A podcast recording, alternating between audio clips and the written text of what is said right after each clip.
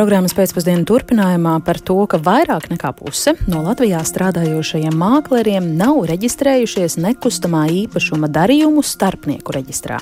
Kāpēc tas ir būtiski un ko nozīmē nekustamā īpašuma tirgus klientiem, par to šodien visu pirms izvaicāsim ekonomikas ministrijas uzņēmējdarbības konkurētspējas departamenta pārstāvi Ivu Veisu, kas šobrīd pie mūsu tālruņa. Labdien, Ieva!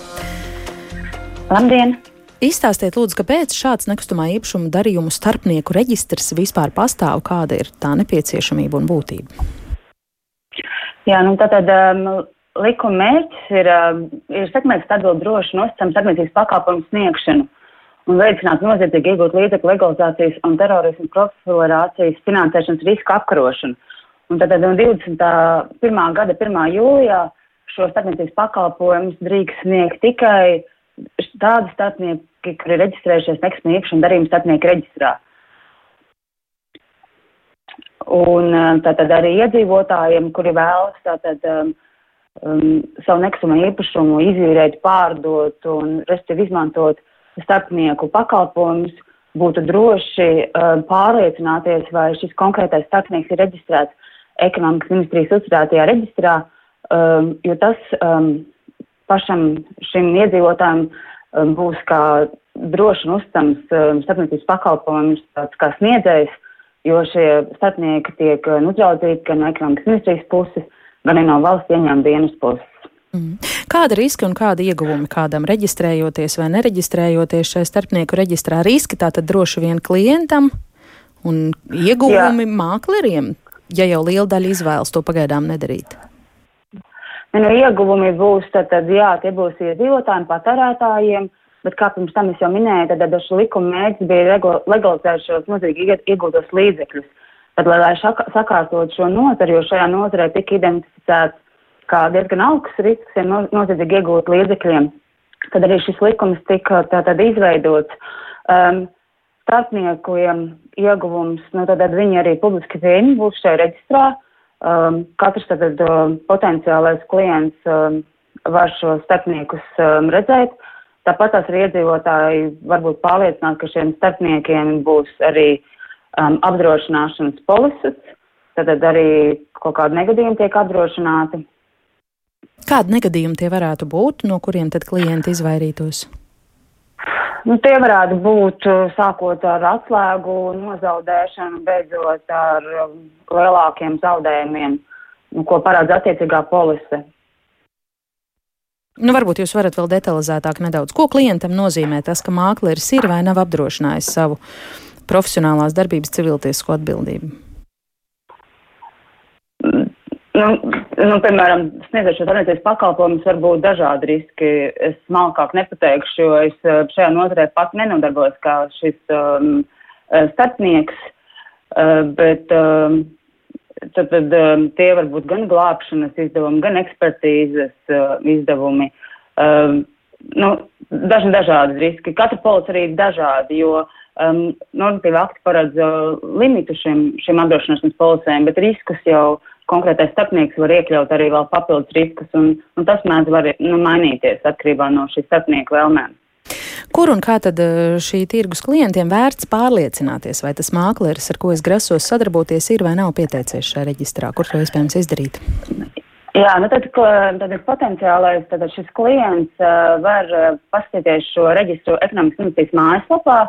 Um, ir sadaļa par nekustamā īpašuma darījumu starpniekiem. Uh, Un tur tad arī redzams šis uh, publiski pieejamais reģistrs un pārliecināties, vai konkrētais starpnieks ir iekļauts reģistrā. Un cik kopumā mums ir uh, nekustamā īpašuma mākleru Latvijā? Kas ir tie dati, pēc kuriem jūs lēsāt, ka puse šobrīd nav izpildījuši likumu un pieregistrējušies kopš 1. jūlija? Jā, runājot par šiem datiem, tā, tā tie varētu būt tādi provizoriskie dati, jo mēs sadarbojamies ar viņiem dienestu Un um, tad viņi savā sistēmā redz to, um, kuriem šiem sabiedriskiem darbības veicējiem attiecīgas darbības um, veids um, deklarēts. Um, lai gan ļoti daudz, kas šo darbības veidu ir deklarējuši, ne visi nodarbojās šajā jomā, kāds ir varbūt kādreiz nodarbojies, bet joprojām nav sakārtojuši šo pusi un nav tad, um, šīs izmaiņas sniedz cieņām dienestam, bet tā, jā, tie varētu būt provizoriskie dati. Um, strādājam, protams, arī šajā jomā. Pagājušajā gadā mēs izsūtījām šiem iespējamiem nekustamā īpašuma darījuma starpnieku reģistriem caur elektroniskā deklarēšanas sistēmu uzaicinājumu reģistrēties. Tātad reģistrā joprojām, protams, saņemam iesniegumus, reģistrācija nav beigusies, tā turpinās, bet, nu, ir atgādinājums tomēr šiem starpniekiem, nu, to darīt uh, savlaicīgi un negaidīt, jo šobrīd uh, tie, kas to dara, nu, tas nav likumīgi. Paldies Ievai Vēsē no ekonomikas ministrijas, arī Latvijas nekustamā īpašuma darījuma asociācijas un Arko Real Estate valdes priekšsarētājs Aigars Šmits šobrīd pievienojas mums programmā pēcpusdienu. Labdien arī jums! Labdien! Kāds tas jūsu skaidrojums? Kāpēc tikai puse no Latvijā strādājošajiem kolēģiem ir reģistrējušies nekustamā īpašuma darījuma starpnieku reģistrā? Kādas problēmas jūs tur redzat? Nu jā, kā jau Ieva arī teica, mēs diezgan cieši sadarbojamies gan ar valsts ieņēmumu dienestu un arī ar ekonomikas ministriju, jo, nu, neviens likums, ja tas ir jauns likums, un šī gadījumā šis ir absolūti kaut kas jauns, kas kā tagad pēc gandrīz vairāk kā desmit gadu darba, varbūt pagājušajā gadā tieši, saka, vainagojies ar kaut kādiem taustāmiem tādiem, eh, nu, panākumiem. Uh, Eh, kā jau ekonomikas ministrijas pārstāv minēja, ja, kad ir tiešām tā, ka šis varbūt kods ir ļoti daudziem arī atzīmēts, bet reāli šī saimnieciskā darbība netiek veikta, kā mēs arī mazliet konstatējām, konstatējām pēdējā tikšanās reizē, tad šīs te saimnieciskās darbības statistiskās klasifikācijas, šis kods, kas ir tas saucamais nasi kods, būtu mazliet jāpilnveido, jo viņš ir pārāk, pārāk plašs teiksim tā, jo um, zem šīs starpniecības koda apakšā parādās arī kaut vai tādas atsevišķas sadaļas kā nekustam īpašumā vērtēšana, jā, un, un eh, tad, tad eh, ļoti, saka, Latvijā diezgan daudz arī eh, vērtēšanas pakalpojums sniedošie uzņēmumi, kas arī ir atzīmējuši šo te pašu, teiksim, saimnieciskās darbības kodu, kas ir nekustam īpašuma starpniecība, bet viņi nu, absolūti nav šī te noziedzīgi iegūt līdzekļu un prolīferācijas e, šī izpratnē šis te likuma subjekts, jo viņi nesniedz pakalpojumu, kas ir starpniecības pakalpojums, viņi nodarbojas tikai kaut vai, nu, ar šo te pašu nekustamību īpašumu vērtēšanu. Tā kā es pieļauju, ka gan jau, ka būs arī pēc šo vēstuļu izsūtīšanas, ja kā mina ekonomikas ministrijas pārstāve, gan jau, ka būs kaut kādas arī korekcijas, ka cilvēki vienkārši sapratīs, tad, nu, tad kuru kodu mums varbūt izvēlēties, un tas kaut kādā veidā arī atvieglos, noteikti samazinās šo te saucamo nereģistrēto sadaļu. Bet pieļauju, ka ļoti daudz arī to eh, joprojām dara nereģistrējoties, jā.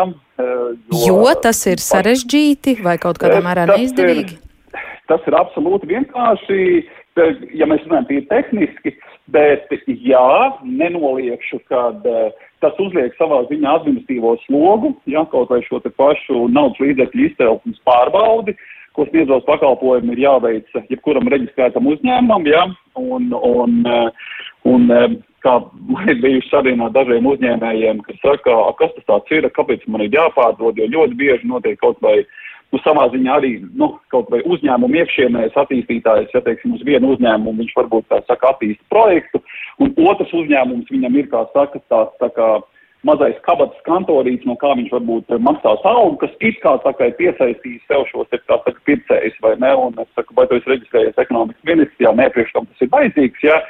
Un tad ir tāda pirmā dzirdēšana.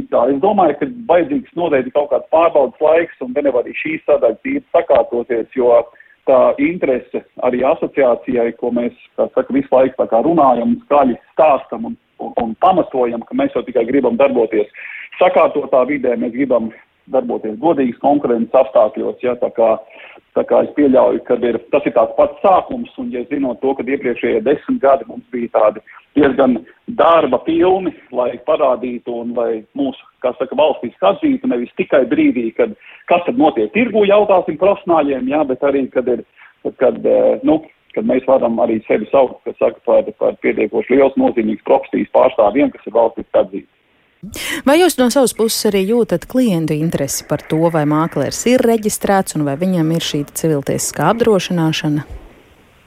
Nu, redziet, eh, jūs arī um, pārstāvjiem no ekonomikas ministrijas jautājāt, jā, es atceros, ka mūsu pašu cīņa, teiksim, šī te uh, tautsēmniecības komisijā bija diezgan skarba, jā, kad es arī lūdzu deputātus paskaidrot, kas tad varētu būt tas zaudējums, ko nekustamā īpašuma aģents varētu veikt, un īsti jau, nu, teikšu jums pavisam godīgi, īsti jau nav kaut kādas tādas lietas, kas dikti uh, būtu, ko aģents var nodarīt, jo tas ir pakalpojumu biznesa. Vienīgais, ko viņš var, kā saka, ir kaut kāda nepatiesa informācija sniegt, nu, tas jau būs gara tiesvedības darbi.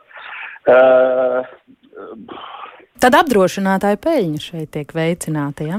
Absolūti, es tāpat gribētu tam teikt, es tā gribētu tam teikt, bet, bet mēs parasti arī tā saka saviem klientiem uzsveram, ka mēs esam reģistrēti, ka mēs esam pieregistrējuši, mēs esam uh, legāls sports uzņēmums vai neko arī mēs esam uzsvēruši gan valsts ieņēmuma dienas pārstāvjiem, gan pārstāvjiem, gan ekonomikas ministrijai, ka pie mums vienmēr var atnākt, ja mēs neesam tas kantors, kas ir noreģistrēts kaut kur dzīvoklī, pie kura var klauvēties un nenākt. Un, un mēs, kā saka, nu, kā jau es nevairāk kā teicu, arī visi lielie uzņēmumi, arī, kas ir mūsu asociācijā, ja pie tiem ir, kur var atnākt. Un, un, un, un, un mums ir ko zaudēt, tāpēc, kā saka, vēlreiz tikai un vienīgi par godīgu konkurenci šobrīd ir runa. Ja vēl pavisam īsi, tad uh, varbūt jūs varat ieskicēt, cik jūsuprāt populāri Latvijā vispār ir tāda lielo nopietno mākleru pakalpojumu izmantošana, vai tā gadījumā nav aktuāli tikai daļā tirgus un mazāk vērtīgos un vidējas cenas īpašumus mēs joprojām pērkam un pārdodam paši?